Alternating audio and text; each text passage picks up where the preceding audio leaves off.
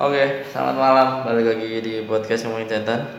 Masih bareng gue Sultan Ahmad sama Andika. Halo. Nah, malam ini jadi kita bakal membahas tentang mengulik sejarah 6 tempat paling angker di Jakarta. Jakarta. Jadi kita akan membahas 6 tempat yang menurut kumparan.com ya. .com, hmm. Kumparan.com ini 6 tempat yang paling angker, Angker katanya. tapi bersejarah. Ada nilai sejarahnya. Oke. Langsung, yang pertama nih. Yang pertama adalah Museum Fathahilah. Hmm. Kau pasti sudah akrab dengan cerita angker yang ada di Museum Fathahilah ini. Terletak di kota tua, Museum Fathahilah merupakan bangunan bersejarah peninggalan era kolonial. Diresmikan pada tahun 1626, gedung ini memiliki beberapa fungsi seperti balai kota, kantor catatan sipil, dan juga pengadilan.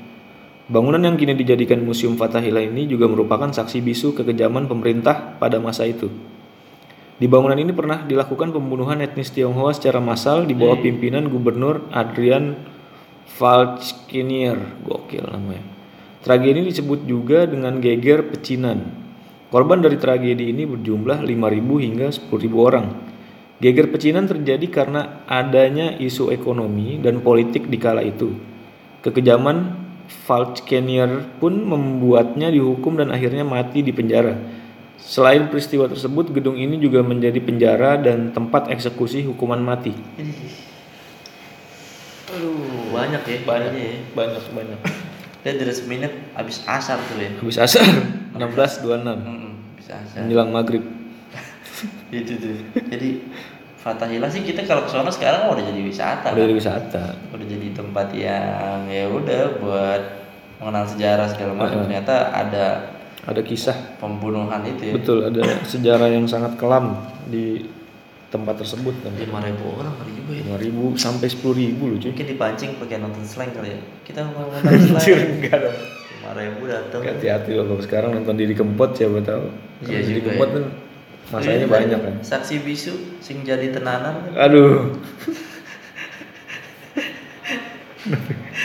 Jadi lirik langsung. jadi digempat itu tadi museum Fatahillah jadi ada di kota tua di Jakarta kalau misalkan teman-teman pada mau datang silakan itu sekarang udah terbuka buat umum, Umum. buat bisa nyewa sepeda warna-warni gitu Betul. Dan itu nggak semengerikan yang ditulis sih karena di sana lu bisa belajar banyak Mm-mm. tentang sejarah sih. murah juga masuknya Murah juga masuknya. seribu apa ya Seribu nggak? dulu zaman gua Gila lu sekarang udah dua ribu kali. ya anjing inflasinya dikit banget nah kalau ada yang mau ke sana Mm, silakan. Dan ada itu penjara bawah tanah. Mm-mm. Pernah gue. Dan itu setahu gue dulu pas zaman Belanda gue diceritain tuh kerendam setengah tuh. kerendam setengah iya. banjir Banjir setengah jadi ya si tahanannya tahanannya tuh kerendam. Sepinggang. Iya sepinggang segitu. Jadi uh, lu kesiksa banget tuh. udah di penjara banjir Iya makanya. Ya gitulah penyiksaan zaman dulu. Kejam ya? Kejam. gara-gara si Falconer ini ya Val- iya susah susah namanya gila nih. karena lu orang Falk- Falconer. lo- karena lu orang Sleepy kalau gue kan Iya, orang Belanda lu bro Belanda. Falconer. langsung gue terus yang kedua ada toko merah nih ini masih di daerah Jakarta itu masuk ke utara ya Itu ke barat apa ya? Kota tua tadi. barat ya kayaknya Iya itulah. Ba barat barat utara. nah toko berwarna merah ini apa salah satu bangunan yang mencolok tuh di kota tua Mm-mm. jadi gampang ditemuinnya Betul. kalau di jadi kalau di kota tua itu ada nama daerah pecinan nih Hmm. pecinan itu persebaran eh, warga-warga Tionghoa Oke. di daerah situ mulai dari Mangga 2 Ah. sampai ke kota tua itu jadi Hmm. istilahnya petak 9 kalau nggak salah Mm-mm. jadi itu emang eh, tempat tinggalnya orang-orang Tionghoa zaman dulu Oke. Nah salah satunya si toko merah ini jadi Hmm. dia itu dibangun pada tahun habis maghrib kalau dia Ini makin sore nih. Menjelang 17.30 eh menjelang maghrib. maghrib justru. iya bener lagi Kalau puasa lagi berat-beratnya nih jam lagi persiapan buka nih Iya. sering waktu ber- beralih fungsi jadi dia sering gonta-ganti tuh oh, mulai dari rumahnya gubernur dulu Ahok berarti kan Enggak dong, itu gubernur lama bro. Iya. terus jadi hotel terus jadi pernah jadi rumah orang biasa juga Mm-mm. Terus banyak isu tentang toko merah misalnya kalau toko merah ini sempat jadi tempat pembantaian etnis, Etnis Tionghoa. Tionghoa. Terus isu lain juga kalau di sungai depan toko merah itu merupakan pembuangan mayat. Mm-mm. Anjir, mau juga jadi pembunuhan ya. Iya. Kesian juga warga-warga Tionghoa zaman dulu gitu Hmm. karena hak-haknya masih nggak hilang, nggak dilindungi. Gila juga. Ngeri bro. Itu toko merah masih di daerah ini juga. Iya masih di daerah kota tua di situ. Dan masih ada sampai sekarang kalau misalkan ada yang mau Iya, masih Sekarang ada. jadi toko kalau nggak salah. Toko merah namanya. Kagak. Oh, antena. Tepat. Serius lu? Enggak tahu tahu apa. Ngasal lu sih kadang-kadang lu sih. Gue percaya lagi bajingan. Tapi gua ada info-info Apa tuh? yang kadang-kadang orang suka lupa. Apa tuh? Ya kayak tadi Abu Bakar ternyata Abu Bakar. Oh, iya sih. Beneran. Tapi beneran serius. Beneran itu. Kita gue cari di Google kalau nggak ada gue nggak mau podcast lagi ya. Coba cari ada. Iya. Abu Bak Abu Bakar. Abu Bakar. Iya masuk sih bisa sih bro. Dia. Yang ketiga deh. Yang ketiga adalah, wah ini udah kita omongin nih. Minggu lalu. Minggu lalu. Menara Saidah. Wah panjang lagi bro. Ya kalau mau tahu dengerin Ya kemarin intinya eh, kita udah bahas ini di minggu lalu, tapi sedikit review aja. Gedung ini dibangun pada 95 dan sempat menjadi kantor Kementerian Pembangunan Wilayah Indonesia Timur atau yang sekarang disebut Kementerian Pembangunan Daerah Terpencil gitu. Dan total eh, apa sih lantai di gedung ini tuh 28 lantai. Terus hingga 2007 Menara Saidah merupakan gedung untuk kantor, tapi satu persatu mulai meninggalkan gedung ini karena keluhan yang sangat populer adalah lift di gedung ini berjalan sangat lambat gitu. Jadi kayak masalah-masalah teknis lah. Terus alasan yang paling sering dikemukakan juga tuh adalah bangunannya miring beberapa derajat dan makanya sejak saat itu mungkin banyak kantor yang meninggalkan gedung ini dan akhirnya kosong sampai saat ini. mungkin liftnya lama yang narik orang kali. Bisa jadi sih manual kayak masih manual Katrol. kayak katrol dikerek gitu ya. Jadi di atas nimba. Jadi gajinya gede tuh yang nimba lift. Nimba lift aja. Tadi nah paling Ah. itu udah bahas juga. Betul. Yang keempat ada stasiun Manggarai. Wah Hmm. ini sih udah banyak juga nih. Iya. Tersebar lah eh, cerita-ceritanya gitu. Jadi eh, Manggarai ini adalah dulunya perkampungan pasar budak Mm-mm. orang-orang Manggarai Flores. Hmm. Maka disebut stasiun Manggarai. Oh, Oke. Kalau budak-budak dari Afrika Cape Town gitu Afrika Selatan Hmm. mungkin disebutnya stasiun Cape Town. Cape Town bisa jadi. Mungkin. Terus Coto de Ivoire gitu, Pantai Gading mungkin. Stasiun Manggarai yang kita lihat sekarang ini didesain oleh arsitek Belanda Hmm. namanya Kangen. Nah, Kangen. Oh, Gokil. Ia mendirikan sekolah perkereta apian. Wow. Dan rumah dinas bagi petugas kereta. Mm-mm. Ternyata Eh, tempat ternyata. yang paling angker di stasiun ini adalah di bagian depo. Jauh dong. Depo bangunan jauh ya. Depok. Ya, Ya. Jawa Barat dong. Ba- banyak gerbong kereta kosong disimpan. Yang tempat pokoknya oh depo itu tempat gerbang, eh, gerbong. Oh tempat penyimpanan gerbong gitu kali. ya. Hmm.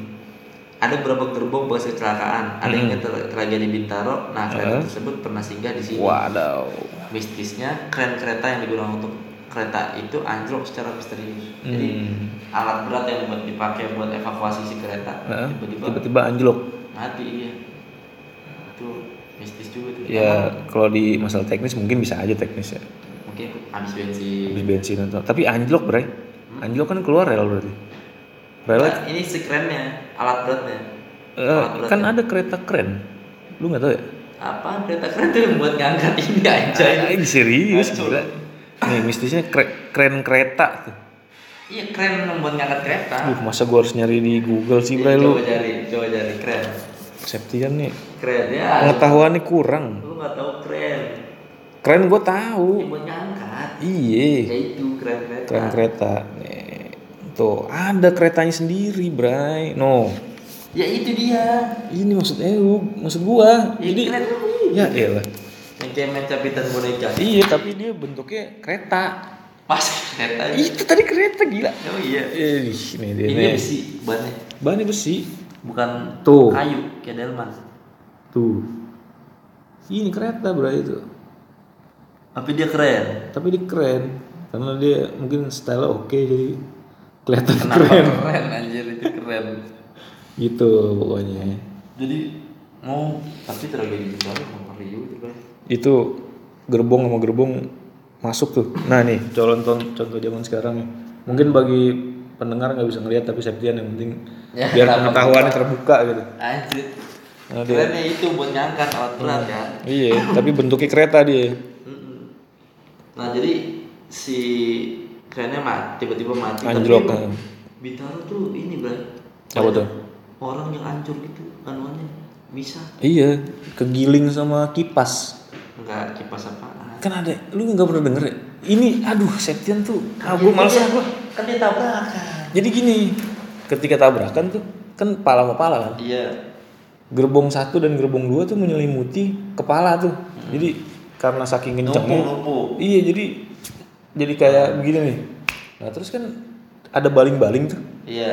di lokomotif nah tuh banyak kan kegiling di situ Jadi manusia berpencar. iya jadi cet cet cet cet gitu jadi Nah, hancur lah makanya lu lagi. sering denger bray Piccolo untung gak naik.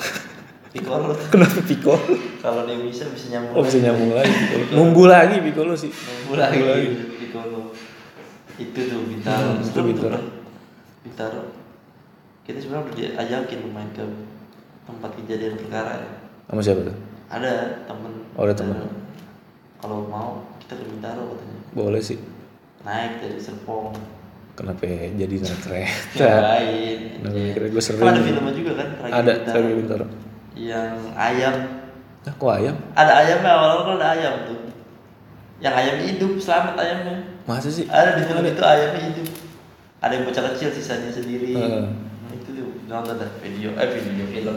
Film lama sih gue belum lahir iya. Lu kan yang udah. kedua kali kan yang baru-baru juga kejadian juga. Yang na- dia mobil. mah itu mobil loh mobil tangki kalau nggak salah ya. kayak berapa per ada kayak ada umur gitu. Heeh. Per berapa tahun? Cuman ya nggak tahu sih. Nggak tahu lah, walau lagi- alam lah. Mungkin lagi memang kejadian. Musibahnya aja kali kan. betul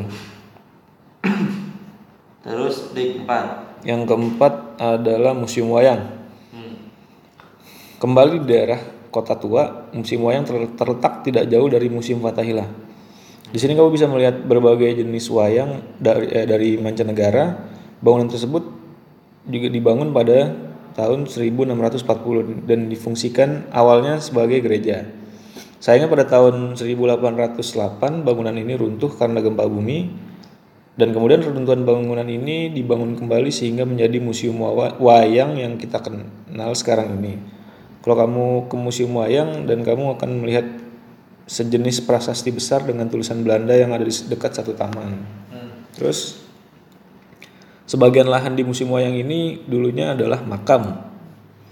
Jan Pieter Zoon Kun yang pernah menjadi gubernur jenderal Hindia Belanda pada awalnya dimakamkan di sini sebelum akhirnya dipindahkan.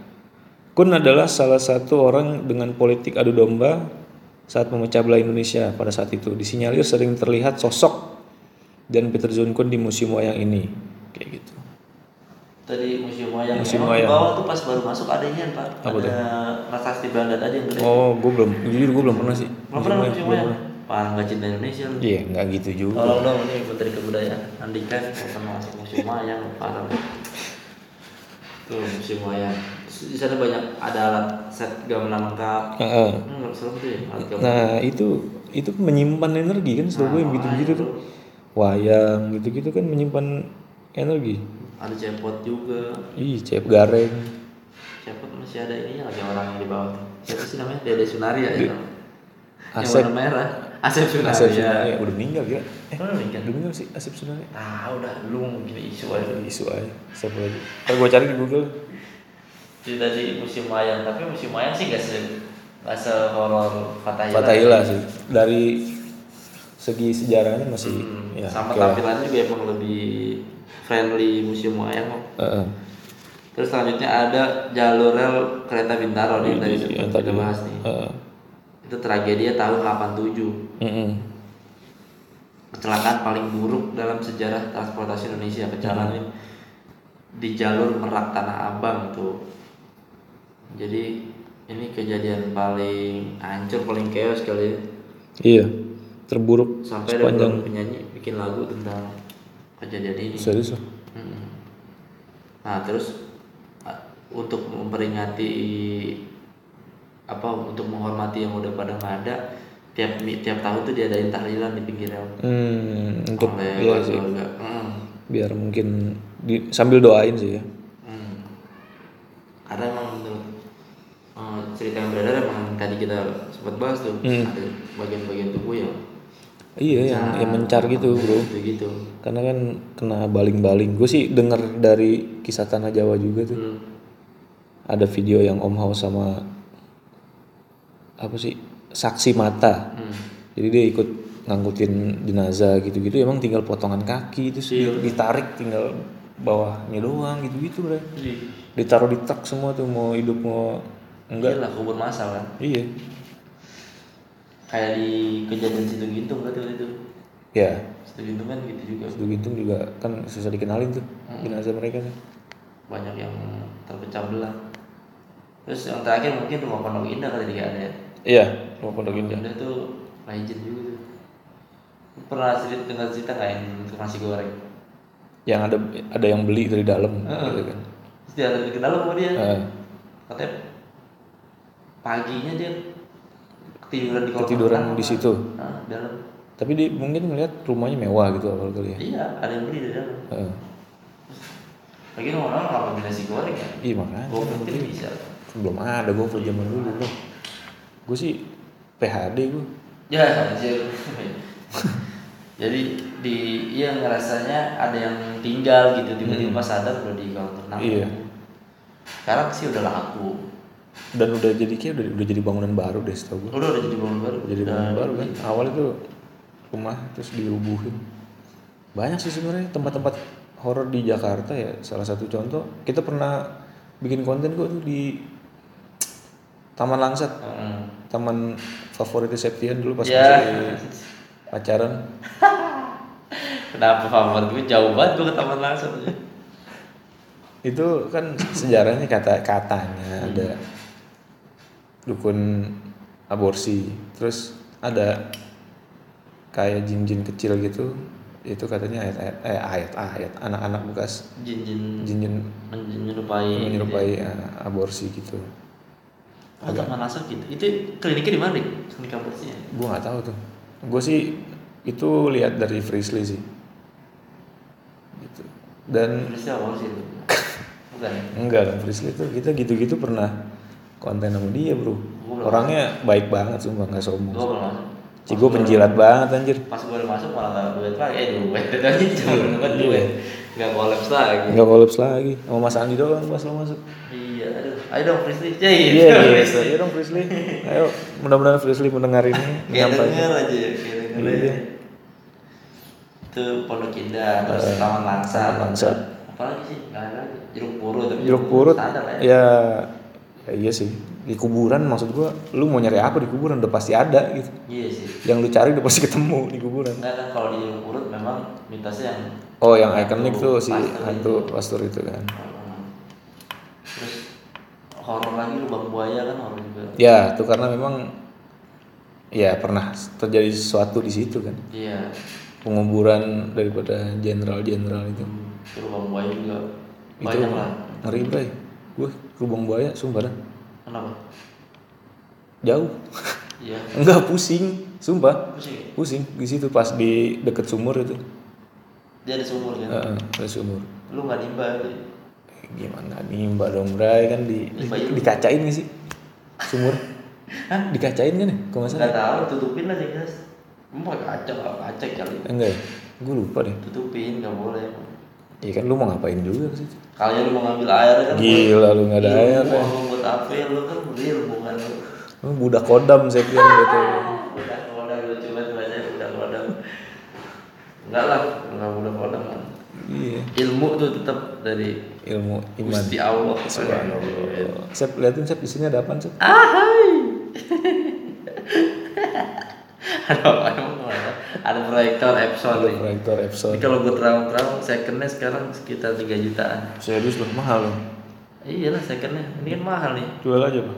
Ya anjir. Ya kantor gua. Ini terminal kuningan nih 15 nih. Mana terminal Kuningan? Itu terminal kuningan bro. Kenapa jauh banget? Iya terminal kuningan. Iya, iya ada. Iya. Lah, lu nggak tahu namanya terminal kuningan? Iya. Oh, itu punya pancoran kan? Gak ada, gak ada. Itu tadi soal eh, udah berapa menit ini? Ini kebetulan 20 menit. 20 menit mantap. Pas lah. Pas. Tadi tem- soal tempat-tempat horor di Jakarta berarti ya. Mm-mm. Tempat-tempat horor di Jakarta. Kita langsung masuk ke email. Yang pertama dari Putri Awa ini Putri ngirim email lagi. Oke, boleh. Judulnya pelet. Hmm. Selamat malam Mas. Saya Mas Bang Andika, Bang Apri. Eh, Oh. dipanggil Mas gue doang karena yang Jawa gue doang. Gue juga Jawa. Tapi panggil Bang. Apri Bang juga. Bang, dia kan orang ini Burgundi. Apri orang Burgundi. Kenapa Burg- Burgundi kan warna, Bang. Oh, warna ya. Kira nama daerah. Nama daerah namanya bagus banget Burgundi kan. Vanuatu. ya, ya. Maaf kalau saya sering email, iya nggak apa-apa. Enggak apa-apa dong. Kali ini saya mau cerita tentang teman saya yang saat ini kena pelet. Wow, Waduh. ini bukan pertama kalinya dia kena pelet. Dulu waktu masih SMA pernah dipelet teman sekelasnya. Anjir. Uh, gokil SMA udah main pelet SMA lu. main pelet-peletan lu gila lu. Gila, ngeri Dulu amat. paling paling bahaya main ini narik bangku temen doang. Iya, buat sampai jatuh dong. Nah, itu paling gue kira paling bahaya. Ini udah pelet gila sih. Ih, ih, ih, ih. Sekarang malah kena pelet dari om-om. Aduh, Aduh, kok bisa? tempat kerjanya. Kalau dari abang-abang ini apa sih yang bikin dia mudah kena gituan? Terus ciri-ciri apa orang yang lagi kena pelet dan cara menetralisir peletnya seperti apa? Anjir susah Aduh, banget. susah bener ya. Terima kasih bang, jangan bosan baca emailku. Kalau aku ngirim email berarti lagi ada gangguan tidur. Haha. Terima kasih Putri. Hmm. Kalau misalkan Putri mengalami gangguan tidur, coba tips minum susu putih pakai madu. Oh, Itu dia Terus? bikin ngantuk. hmm, bisa ji. Sama denger musik-musik yang Rock. Iya, yang klasik gitu, yang yang instrumental gitu-gitu yang bisa bikin Itu dari minuman tadi lu boleh coba tuh susu putih, susu dan kau gitu atau yang bubuk pakai madu. pakai madu. Biasanya orang ngantuk. Kalau masih nggak ngantuk juga, mungkin bisa dibantu olahraga. Capek kan capek jadi Ngantuk. tidur ya mungkin bisa tujuh belasan ya kan kenapa 17-an malam-malam? iya namanya orang mau tidur kan Iya sih, berusaha lah, usaha lah. Gitu tadi tuh Semangat, Putri. Putri. tapi tadi beneran susu putih pakai madu tuh sebuah tips yang bener itu Betul. nah itu dik jawab nih kan lu kan yang ngerti nih pilih dan lu tidur pagi eh kayak gitu lu. orang lagi ngomong tiba-tiba tidur. Sorry bro, gue ngantuk banget bro. Coba gimana sih gue nggak denger lagi tadi, apaan sih? Lu Andika kalau misalkan dia kalau sekarang gitu dia kalau lagi ada yang datang komunikasi dia langsung tidur dia nggak sadar. Aduh. Nih apa yang bikin orang kena mudah kena pelet? Yang pertama. Gimana sih? Dah, Ya. Lempar-lemparan nih. Gue nungguin lama lu tidur tidur lu aja. gue sih bukan menghakimi, cuma gini aja. apa yang mudah kira-kira? Kalau dari sisi awam kita, Enggak lah, kan lu lu nggak awam. Pasti tahu gitu, anjir? Enggak lu lu mau gue kasih tau lu udah WhatsApp WhatsAppan sama siapa aja. Perlu gue buka di publik nih? Enggak perlu dong. Lu udah WhatsApp WhatsAppan itu lu lebih paranormal Gua- dibandingin gua gue. gua WhatsApp-WhatsAppan sama siapa ya sama admin TMJ Polda Metro paling Perlu gue sebut namanya nih. ya Mbak Eh. Endra paling gua gitu gitu Siapa? gak ada gak ada gak ada gua gak sama siapa gila Aduh. cewek gua paling gua mau pacaran Ya itu. Terima kasih Putri W atas pertanyaannya. Gimana dik Ya kita tutup saja. eh, Eh, belum tutup masa tutup belum nih. kira-kira kenapa nih mbak orang nih bisa kena pelet bisa gampang kena pelet Eh, gue jadi ngeri jawab sekarang nih karena kenapa udah ada jawab satu. kagak apa-apa kan Kan ini menurut pengetahuan gue iya. aja mungkin ya susah deh. Kenapa susah sih lu jangan tetep-tetepin gitu lah Enggak susah. Gak apa-apa lu kan emang ada nih ilmunya ya Tuh gitu lu, Sep. Gue kan sering minta bantuan sama lu, Sep. Udah lah. Ya lu kan emang lu kan isi nih Lu kan budak kodam, Sep. Kalau gua Lu budak kodam, udah. begini-gini kan yang bisa-bisa begitu di video lu, lu juga gua mah Enggak, lu pernah bilang ke gua, Dik, di meja lu ada air air minum ya, Dik? Bener semua yang lu tebak, Sep. Enggak gua bercandaan doang Gua gua petugasnya nggak mau bercanda Gila lu emang lu. Jadi gini Putri Owe, mungkin ya menurut, menurut pengetahuan kita awam, Lu aja anjing sama kita. ya kan gue jawab satu lo jawab satu. Ya, ya. oke oke oke.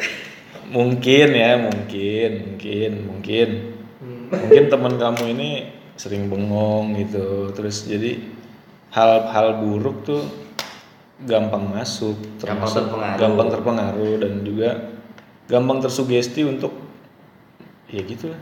Kan itu kan salah satu bentuk mungkin sugesti tapi dari jin gitu kan, Hmm. dengan bantuan jin gitu loh. Kira-kira jenis-jenisnya apa tuh? Tuh, lo nanya begitu sih. Kenapa begitu? Kenapa jenis jin nih lu tanya ke gue? Enggak makanya Lu tahu. makanya Aku udah kelihatan nih kata tadi. Kalau kalau ada temen yang sering bengong diingetin gitu. Mungkin ya jikir atau perbanyak ibadah juga. Karena gue gue gue nggak gue nggak bilang yang gampang kena pelet itu yang jarang ibadah ya. Cuma ibadah itu salah satu bentuk pertahanan diri lu tuh dari Serang-serang. serangan-serangan gaib tuh Septiannya gua- sebelum gue ngomong dia udah tahu anjir semua lu ngetes gue doang sih kayaknya sih Mana ada kan? Itu simpel banget. Itu kata-kata yang standar orang ngomong. dia tahu lu mau ngomong apa lu udah ngebaca lu gila bahaya banget ya. Aneh banget ya Dika. Aneh banget. Mau membela diri ya Dika mau membela diri. Gak apa-apa Dik, orang-orang juga kan pada tahu kali lu di Ya, gua video. ngantuk bro Lu kan di video udah narik-narik gitu pak. Apa? Jadi Andika ini sebenarnya emang tuh tuh emang. gila dia emang badannya dia titisan dia. titisan Dora. artis dong Iya. Titi Sandora Nah terus ini yang pertanyaan kedua nih Dik, lagi. enggak dari itu dari versi gue dari versi lu lu harus jawab juga kan Sama, lu setuju eh nggak bisa gitu Gua setuju. harus beda Kenapa harus beda ya, ya kalau setuju? beda maksud gue mungkin lu dari sisi yang lebih klinik gitu kan Enggak, enggak. Tadi gue liat soalnya pas lagi itu tangan lu udah mulai gerak-gerak tuh, terus tuh merem. Menurut lu komat kami, kayaknya lu udah dapet pelakunya kayaknya. Kan gua gua kalau gua sih mungkin karena gua juga ya nggak tahu lah gua Heeh. gitu-gituan berat-berat apaan gua Heeh. awam gitu. Kalau lu kan emang lebih Tuh dalam. gitu, lempar-lemparan. Jadi menurut gua kalau kadang-kadang Coki nih, Coki Heeh. berbeda sama sama gua. Jadi dia tuh kekuatan pikirannya mendominasi. Jadi apa-apa dilogisin. Mm-mm. Makanya dia jarang terkena dapat gangguan-gangguan. Oke. kayak gitu mungkin lebih di ini aja kali pikirannya jangan mikirin yang lain-lain itu kerja aja biasanya kan kalau orang punya kesibukan otaknya capek kerja bukan capek mikirin yang hal-hal yang tidak tidak gitu kalau itu dari versi awam kan Ya, gua. anjir bener lu. Ya, Bocah. siapaan? Tahu tahu anjing bener apa? Gila sih bener. Anjir apa? Sep, gue mau cerita dong, Sep. Boleh Gak gak? ada kan? Mau cerita Terus Dik, pertanyaan kedua nih, Dik. Apa mau nanya lagi, Dik. Terus kan Hah? tadi kan kenapa orang mudah kena gituan? Ya. Udah menjawab tuh. Ya. Terus ciri-cirinya nih. Nah, itu paham apa ya? Ciri-ciri apa nih? Orang yang kena Yang kena pelet. Hmm. Gue pernah dengar dari temen gue ada satu temen eh jadi temennya temen dia tuh udah mau menikah. Temennya temen gue btw ini laki-laki. Hmm. Eh temen Jadi yang lu ceritain enggak, laki-laki apa cowok? temen Eh, temennya temen gue ini perempuan. perempuan. Seorang perempuan yang punya calon suami udah mau menikah tuh. Hmm. Udah mau menikah, udah persiapan segala Paginya dia macam. mau nikah ya. Enggak, enggak secepet itu juga, gila. Kan udah udah udah udah merencanakan pernikahan, udah persiapan, udah mempersiapkan segala sesuatu. Tiba-tiba laki-lakinya ini berpaling ke perempuan lain dan menurut temen gua ya bukan gua main fisik, cuma Jelek. bisa dibilang begitu. Yang bilang jelek Septian ya, bukan Cewek gua ya. jelek. Iya, yang Kayak yang jeleknya kayak apa dulu nih? Jelek kan relatif harus jelas. Kayak urap mah mukanya. Kalau kayak urap iya. kayak ubi. Kayak ubi. iya. Jadi ceweknya tuh jauh lebih jelek dari Mukanya layu kayak kubis kangkung. kan? letoy gitu ya. Itu, itu. Kayak kangkung direbus. Iya. Itu jadi secara fisik? Secara fisik. Kalau misalkan alasan fisik kayaknya tidak mungkin. tidak mungkin gitu. Dan dan secara apa sih sifat juga kayaknya nggak mungkin juga karena teman gue ini eh temannya teman gue ini orangnya baik katanya gitu. Guru BP katanya. guru BP TU kan penyabar tuh. Kalau lu nggak Penyabar ba- lagi. kalau lu nggak bayaran emang dia marah-marah ya tetap di melayani kan? melayani deh. Bener bener. Kayak gitu. Jadi tiba-tiba nih laki-lakinya tuh berpaling ke perempuan lain dan udah nggak mau kenal lagi sama orang ini. Nemuin ceweknya. Iya jadi udah kepikiran cewek sana terus cewek sana terus cewek akhirnya sana. batal? Akhirnya batal pernikahan. Karena eh, temannya teman gue mikir ya udahlah kalau emang lu mau ambil ambil itu. Karena udah udah Ikhlas udah lah. ya udah ikhlas dan berusaha. Kayak gitu tetap nggak bisa karena mungkin peletnya kuat. Gitu. Tapi ciri-cirinya nggak tahu ya berarti salah selain kepikiran terus. Ya mungkin gue sih apa tahu-tahu. Mungkin gua orang bukan nanya ciri-ciri kira-kira nih yang selama ini lu sembuhin nih iya. Enggak kenapa jadi sembuhin? Enggak maksudnya yang selama ini lu cerita sama lu maksudnya ciri-cirinya lu tahu nggak kira-kira? Eh, apa? Dia kan tuh pak- tadi lu satu bilang kan kepikiran. kepikiran terus ke sana terus gitu loh. Terus jadi bahkan ada pelet yang bahaya tuh namanya apa sih buang anak apa gimana sih? Jadi itu saking saking saktinya itu ilmu dan minyak itu sampai ibaratnya tuh lu bisa ngebuang anak lu sendiri untuk mengejar laki-laki itu gitu mengejar orang lain mengejar iya mengejar orang lain gitu kayak gitu sih gue gue gue ciri-ciri yang dari gue sih satu Enggak. itu tadi udah bagus. Oh, itu ya tadi ya. itu Ciri-cirinya kepikiran apa- kepikiran apa terus ini. pokoknya apa pun tuh bisa ngelakuin hal-hal bodoh iya, ya. melakukan hal bodoh lah yang yang nggak wajar ya maksud gua kalau lu suka sama orang kan ya lu suka sekadarnya gitu pasti lu juga ada titik di mana oh ini udah aneh nih Gitu. itu pasti lu ya udah mungkin ada indikasi lu kepelet Hmm.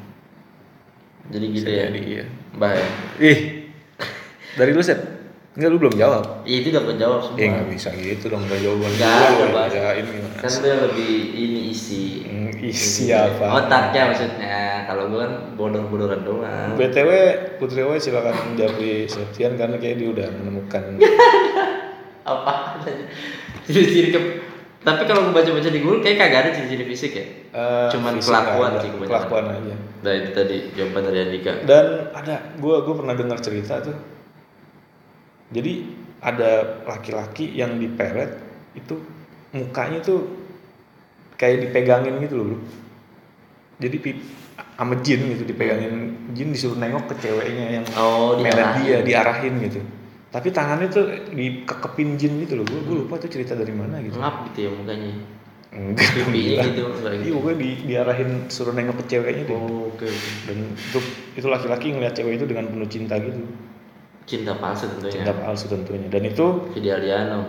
kenapa status palsu dan itu nggak bakal langgeng sih Oh, gitu bakalan ya? bahagia karena Dan ya lu cara- memaksakan gitu Caranya juga kan enggak cara juga kan ya. nggak bagus Bener-bener.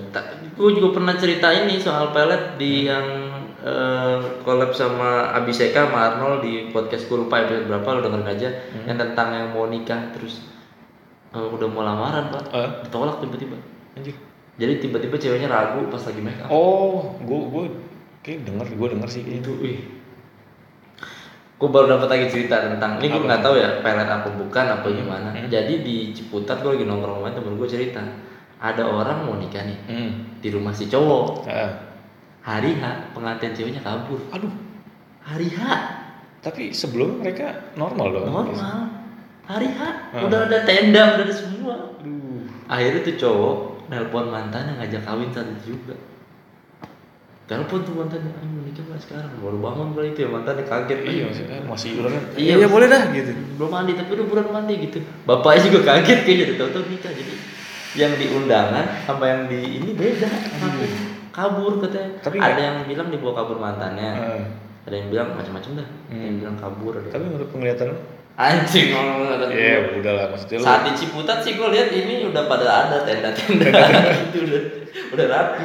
Enggak nih bayangin dah lu. Ya mungkin kalau cowok enak kali gampang ya. Kalau Ah. cewek kan lebih ribet. Lebih ribet. Mau enggak mau kalau cowok kan kalau yang ada beda loh namanya udah. Masa gue Hmm. daripada malu gitu kan intinya. Iya masa sendirian emang sunat kan nggak mungkin kan? Ya pengantinnya satu sunat kan? Sunat. Iya kan jadi Iya. ya udahlah teleponnya akhirnya dan dia pinter yang telepon mantannya udah otomatis sudah kenal kan. Hmm. baik buruknya kurang lebih tahu lah. Jadi ditelepon kebetulan juga mau. Ah. dan saat itu juga kalau salah dia tidur kayak kebaya. Jadi ya udah langsung aja. Udah berangkat sekarang. Kayaknya dia habis wisuda mungkin ya. iya. Masih pakai tiduran tiduran. langsung tuh. Bayar kemarin. orang tuanya kaget juga kali aja tuh nikah. Bayangin aja udah belum nyawa jas. Iya kan? Kan perempuan. ya masalahnya bapak orang tuanya kan kaget pak Iya sih. lu pagi hari ditelepon suruh nikah bayangin Heeh. kayak mau ngajak ke CFD Tapi keluarga ceweknya gimana? langsung mau Enggak, cewek yang kabur. ah itu nggak tahu bang kalau keluarganya kan juga nggak tahu Hmm. kabur si cewek doang jadi wih hari H lu Hmm. kasihan malu juga kan kalau misalkan gak jadi Eh, oh ini namanya. Anjir, Aja lu sampai nulis namanya gitu sih. Gila. Gak ada gua aja gak tahu namanya siapa Enggak, ini ada ditulis sama Septian ya. Inisialnya ya itulah. inisialnya antv inisialnya antv terus ini pertanyaan lagi Eh. cara menetralisir nah ini penting nih terjadikan cara menetralisir jadi misalkan ada yang kena nih gimana caranya kemarin belajar itu di amalan-amalan itu kan tidur lagi anjing. jadi? Gila lu. Ya yang jelas lu pasti bawa ke orang yang lebih ngerti entah kiai entah spiritualis gitu yang yang Kalau juga bisa Nggak bisa. DM aja langsung. Enggak enggak jadi Iya. bawa ke tempat orang yang lebih ngerti gitu. Jadi tapi gini kalau ada ciri-ciri kayak gitu jangan langsung berpendapat kalau itu pelet. pelet gitu. Karena kita logikakan dulu. Karena betul. ketika lu menolak menolak menolak menolak ah, enggak nih enggak enggak gitu itu Hmm. mungkin bisa jadi tameng buat diri lu sendiri ya setuju gak lu? ya ketika lu ah ini pelet nih pelet nih itu malah jadi beneran ya jadi ya? beneran pintu terbuka gitu loh. Tapi kalau orang yang jelek pelet pelet pelet itu bukan pelet tapi kegeeran, Geran ya kegeeran aja. tolong jaga ya mawas gitu mawas diri kalau sekiranya lu hitam glossy ya kan kayak lumba-lumba gitu misalkan lumba-lumba kan hitam glossy tuh.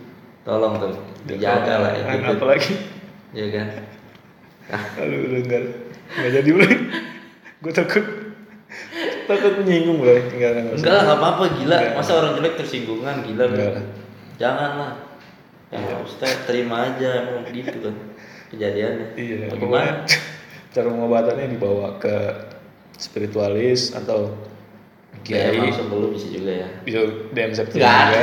Ntar gue tak gue gue forward ke Andika. Dan itu ya pengobatannya semacam-macam ya mungkin bisa dengan lu di lakuin gimana? di bisa di rukiah syar'i dan juga bisa eh, cara menurut si spiritualis tersebut gitu. Kalau Septian kan biasanya kan langsung di begitu doang langsung buang tuh sama Septian. Apaan buat batuk udah Kalau Septian langsung kebuang kalau gitu lebih si- simple gitu caranya nggak perlu diruat-ruat.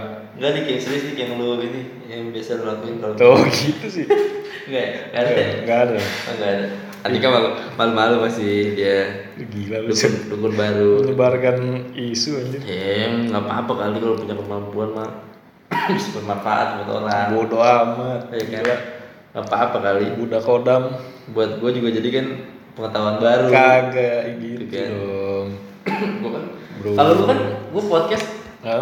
Sudut pandang yang orang normal nih Heeh. gue selalu berpa- berpartner sama yang ngerti kalau nggak Aprija kan lu nih iya kan Justru lu salah ngajak gue berarti. ada emang lu kan gue tahu nih kemampuan Bodoh amat anjir. gue tahu kan yang ikan-ikan di belakangnya gue tahu siapa kan Coba. Ini emang gila nih orangnya. gue tahu nih Kosongan bro, udah dikonfirmasi sama seseorang. Nanti jam saya Andika nih. Mantep deh. Gue paling kasih lihat ini dia. Garpu berdiri sama dia. Bagus. Septian tuh nama spiritualnya tuh nama itu nama panggung. Kan kisambung kabel. Lu pernah nyambung kabel kan? Ini? pernah. Nah, itu. ngomongin gambar pernah. Iya kan intinya. isolatif nggak ada. Isol- isolatif Kilakban gitu. gila banget aneh banget isolatif aja. Terus ada lagi nih email. Oh, tadi gitu ya Putri ya. Hmm, kira-kira gitu lah. jawab tuh tadi jawaban-jawaban yang bagus menurut gue sih. Si netralinnya pakai itu tadi ya Heeh. pakai diri sendiri gitu. Bagus tip. Jadi kayak emang mantap kalau pelet-pelet santet tanya deh kan. Bodoh. Jadi banyak yang nanya ke gue gila lu. Emang ngapain lu kalau itu kan ibadah. nih. Bodoh amat, Septian. Enggak, jangan percaya sumpah gue nggak bisa apa-apaan. Gue sering dibantuin sama gua. Tuh.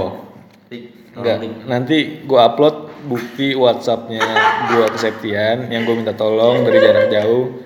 Gue upload di Instastory biar lu lihat semua. Gak ada, gak ada. gak ada dalam percaya. Bisa sekarang bikin WhatsApp bisa. Terus email selanjutnya? Dari Hirma Parimita.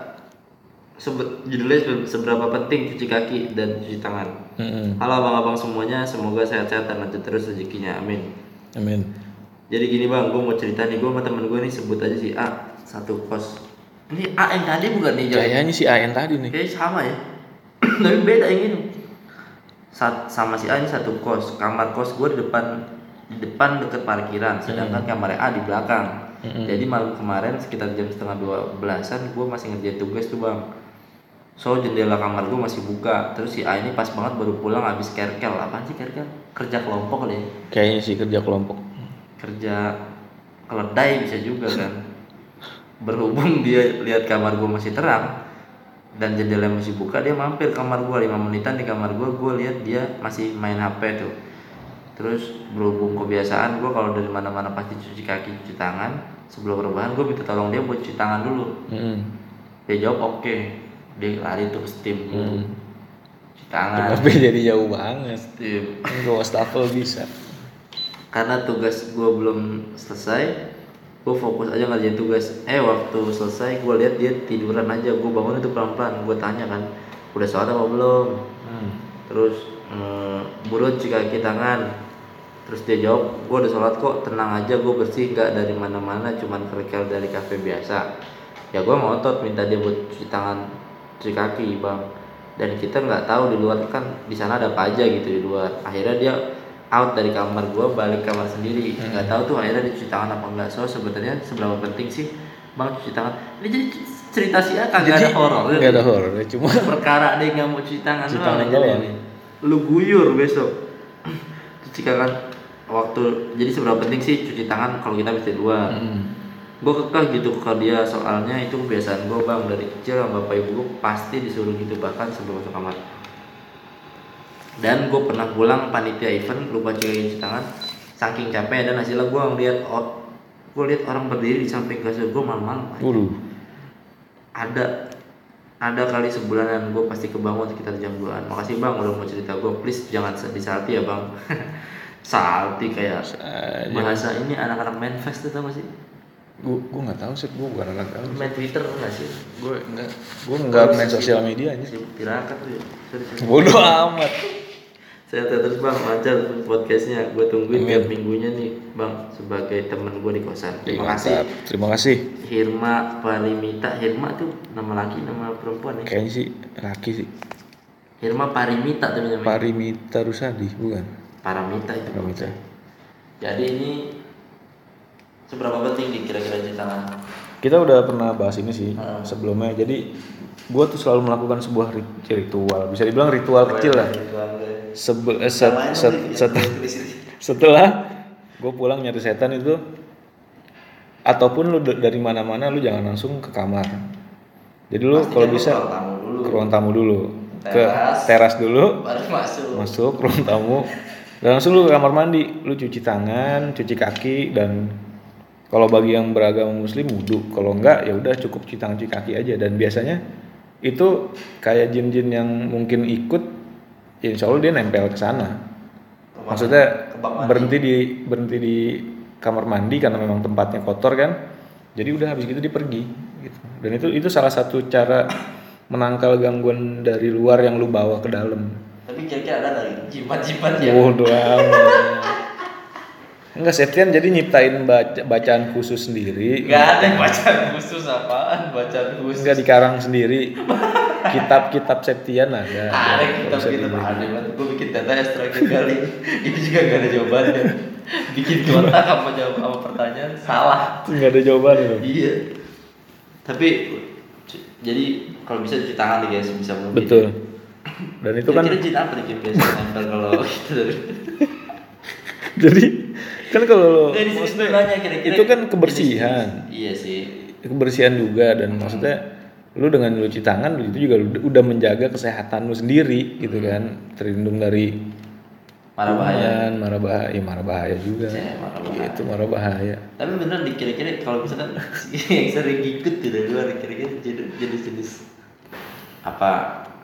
Jin becek apa jin ya tanah ya kalau misalkan ini lebih septian sih yang jauh nggak ada Enggak mu- mungkin mungkin ya lu dari sebuah pohon di pohonnya itu ada kuntilanak dan energinya lebih kuat dari lu, lu takut dia ngikut terus ya udah bisa jadi ke bawah sampai rumah ngintil gitu. jadi kalau misalkan yang ketempelan boleh juga DM, DM Septian langsung. perdana Septian. Ahmad enggak ada Dia- lu kan dia lu kan buka konsultasi kan sekarang di rumah enggak gila. enggak ya nanti kan sekarang buka padepokan.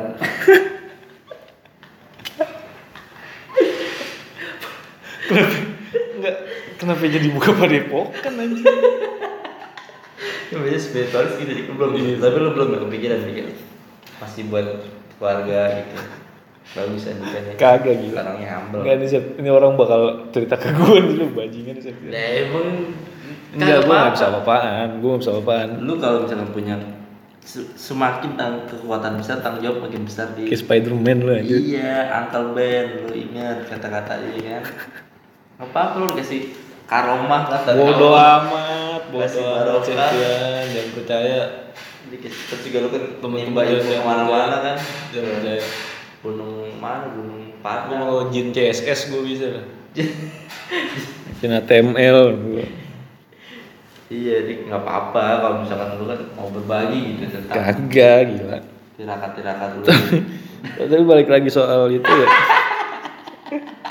balik lagi ya, cuci tangan, cuci kaki sebelum lu masuk ke kamar lu ya cuci muka juga. kalau lu bisa cuci mukanya kan ada ember biasanya Ah, atau enggak bak Bak. apa nih lu bisa lu kepletin iya, lu, lu Lu gitu, cuci muka lu angkat di foto. geser ke kiri tiga kali Tiga kali, kanan tiga kali.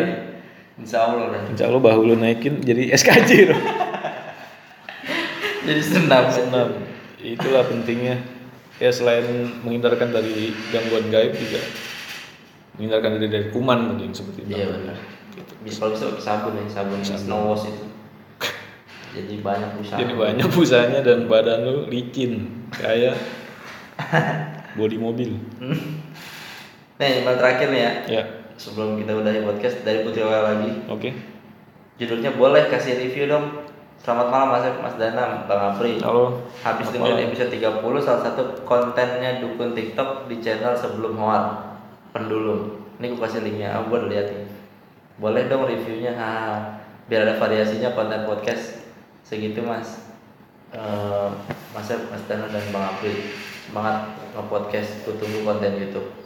Oh lu udah lihat kontennya Mas Handi sebelum hoar? Sama sekali belum. Pendulum, pendulum production. Atau Kita nonton apa sekarang? boleh. Kelamaan bangset. Usah. Eh, Enggak lu kan udah nonton intinya lu aja. 40 menit nggak jadi. Jadi Jadi menurut lu gerakan-gerakan di TikTok Mas Andi dia lancar ya, lancar. luas gitu. Hah? Cara ngomongnya juga Ah, oke lah. yang jadi dia terlihat sangat lentur gitu Mas Andi di Ini dibahas kenapa jadi gituan? Disuruh bahas review kan katanya review itu apa Mas Andi.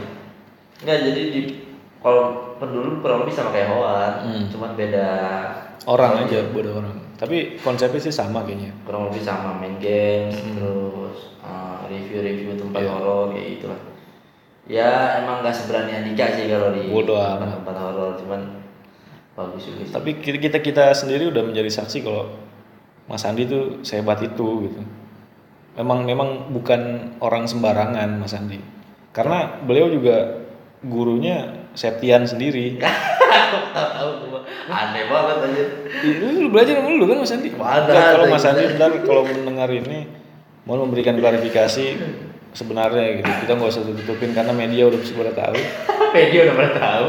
Media jolim. Jadi emang ya walaupun kan kalau di horor emang nggak terlalu ini kan nggak terlalu ekstrim Nggak terlalu ekstrim. Nah, kayak di nyari setan atau di channel channel lain. Walaupun juga kita berani gitu karena pegangan Andika kan. Bodoh amat. karena gue gue pernah dengar dari Mas Andi kenapa mereka nggak mau terlalu ekstrim? Karena kasihan badan-badan mereka gitu.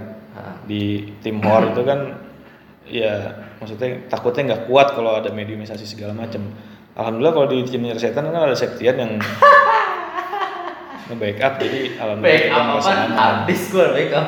itu aja sih gue dari gue Enggak, kalau di jajaran kan emang bendoro-bendoro kuat-kuat kan. bener-benernya kuat dan Ya, udah dibekelin sama Septian Enggak ada sama si Unggun gitu kan. tapi emang. alhamdulillah yang lu kasih ke gue bermanfaat buat gue Gua masih bengkoang kemarin jadi buat masker.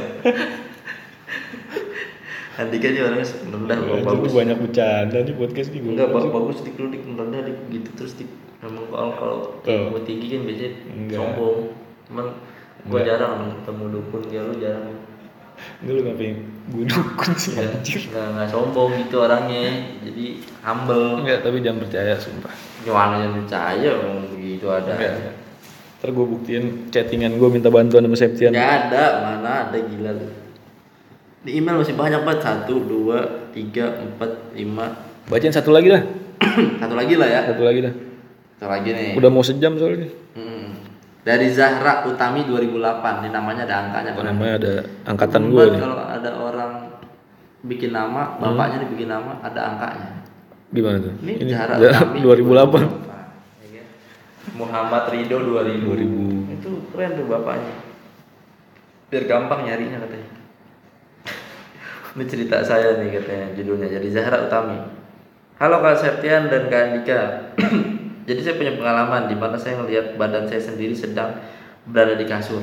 Hmm. Padahal saya sendiri lagi berdiri di depan lemari. Hmm. Posisi saya di situ juga lagi sakit. Saran dong Kak kenapa? Silakan Andika yang Kenapa gue mulu? Lu dong gantian tadi gue gila Enggak gue mau jawab gue bercanda doang kalau gua. Kalau lu kan emang yang pakarnya. Para lu kan spiritualis deh dan itulah lu. Enggak, Sep gantian lo yang jawab Sep Enggak, kali ini jawab ngerti, gila? Ih, gue apalagi gue Kalau orang tidur ngelihat kayak di film-film gitu di. Enggak, kalau itu sih kita punya teori kalau itu adalah eh kalau bahasa Jawanya tuh merogo merogo sukmo ya. Kalau bahasa kerennya itu astral projection karena tanpa sadar sukma lu tuh keluar dari badan lu sendiri gitu. Sukma lu keluar dari badan lu sendiri tanpa lu sadari. Sukma itu bukan roh ya. Kalau roh keluar badan sih udah meninggal tapi sukma gitu. Dan itu ya mungkin lo harus konsultasi dengan orang yang lebih ngerti ya kayak Septian. Nah, Karena takutnya ketika lu melakukan hal itu lagi ada jin atau makhluk yang iseng menahan sukma lu dan ya itu udah jadi fatal takutnya gitu. dan kalau misalkan emang sakit atau apa bisa konsultasi Langsung lagi. ke Septian. Kita kalau ada yang mau kontaknya gue kasih boleh. Septian alhamdulillah nggak nggak pernah mengut bayaran karena Gue ganti juga kayak gitu gitu. Bagus yang orang. bodo amat Septian, bodo amat. Salut deh, tetap deh, gitu deh. Jangan jangan berubah deh. Gua support Bodo amat, di dunia ini. bodo amat Sep. Jadi Andika ini tipe-tipe Bodo amat Sep, enggak. lu mau giringan opini anjir lu, buzzer lu ya. Gak apa-apa. Lu buzzer lu ya, gila lu Sep. Gak apa-apa nih. Enggak gila. Enggak. enggak. Mungkin juga lo kan pendengar kita udah tahu juga kali. Bodo amat. Yang begitu-begitu masa nggak tahu kalau Andika punya kayak gitu-gitu. Enggak pokoknya inti itu tadi siapa namanya? Zahra. Jarak. Pokoknya itu intinya Semoga tadi. menjawab. ya. Semoga menjawab. Semoga menjawab. Semoga membantu. Betul? Udah nih ya. Udah, udah habis. Satu, dua, tiga, empat, empat masih. Empat. Masih ada banyak. Ya udah kita sisain buat besok lah. Hmm. Jadi terima kasih banyak buat yang udah ngirimin sama buat urusannya. Betul? Kalau misalkan ada gangguan-gangguan gaib, semua boleh tanya langsung ke perdana Ke di, Septian Ahmad. di Instagram itu dia katanya lu lagi nantang-nantang Enggak lu jangan ngomong sembarangan lu bangsat, bangsat gila lu. Ya? Astagfirullahaladzim enggak. kalau ada yang santet-santet bisa beneran ada yang nanya ke gue lu gila lu Sep. Ya apa-apa kali lo Itu bermanfaat. enggak ngerti gila lu ngaco lu ya. dikasih ilmu itu. sama Bodoh amat, bodoh amat. Kagak, enggak, enggak, enggak. Bohong. Ini di apa? Sep ini penggiringan opini Sep, sumpah Sep. Lu, lu udah parah lu. Lu udah gila lu. Lu udah gila lu Sep. Buat bermanfaat di Lu kagak apa-apa. Ya lu udah gila. Di malu-malu banget dah. Udah gila lu. Gak apa-apa di sumpah. Enggak, enggak, enggak. Gue support. Enggak, kita ke kisambung kabel aja ya Septian. Kita gua nomor gue dah kalau misalkan ada yang mau konsultasi. Sumpah. sumpah tuh gue tinggal ini gue admin nih berarti ya Jadi kalau mau datang ke rumah Septian ntar udah disediain tuh ember buat naruh duit seikhlasnya. Jadi kalau misalkan ada santet atau pelet atau apa silakan ke rumah Septian di Pondok Cabe kira-kira itulah. Emang baskom talilan aja masih pakai ember aja topeng monyetnya pakai celengan dibelah anjir Aduh. Aduh, aduh, aduh. Nggak beli pungut bayar dikit kalau ada Kalau sama Septian seikhlasnya alhamdulillah. nggak ada Gua pernah bawa seseorang ke sana ya. apa Alhamdulillah sembuh gitu habis dari rumah Septian gitu. Cuma disembur doang sama dia. bapak gue mantri Topan eh topan itu. Jadi Septian ini bisa dibilang di sana dukun dukun sembur nih. Lu penyakit apa disembur sama Septian Tapi insya Allah. jujur nih. Bojigong. ini teman-teman teman-teman di pendengar atau di ya kita lupa tahu di Apa tuh? Bodoh amat. Enggak gua stop nih. sumpah Gua stop nih ya. Gua stop nih. jangan buzzer kalau ditutup nggak enak. Iya, udah makanya tutup dulu. oke Oke. orang-orang udah tahu kan Bodoh amat. apa kali jadi Ya Andika. Sekian dari kita di podcast dari setan. Terima kasih buat yang udah ngirim email dan terima kasih yang udah mendengar sampai jumpa di episode selanjutnya. Dadah.